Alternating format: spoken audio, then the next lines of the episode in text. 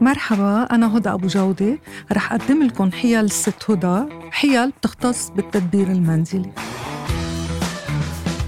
بهاي الحلقة كيف بدنا نتخلص من الشحم عن التياب لنتخلص من الشحم عن التياب نفرك البقعة بسائل للجلي بدون مي ونتركها منقوعة كل الليل مثل الزيت زيت الشي. بننقعها بنتركها منقوعة لتاني نهار تاني نهار بنغسلها ممكن كتير إذا بقى الشحم سميكة وقديمة ما تروح إلا إذا فركناها بشوية بنزين. في بنزين أبيض خصوصي بنشتريه عن المحطات بنفرك آه، القطعة فيه وبنرجع بنفركهم بعد شي ساعة بشوية آه، سائل للجلي من دون مي.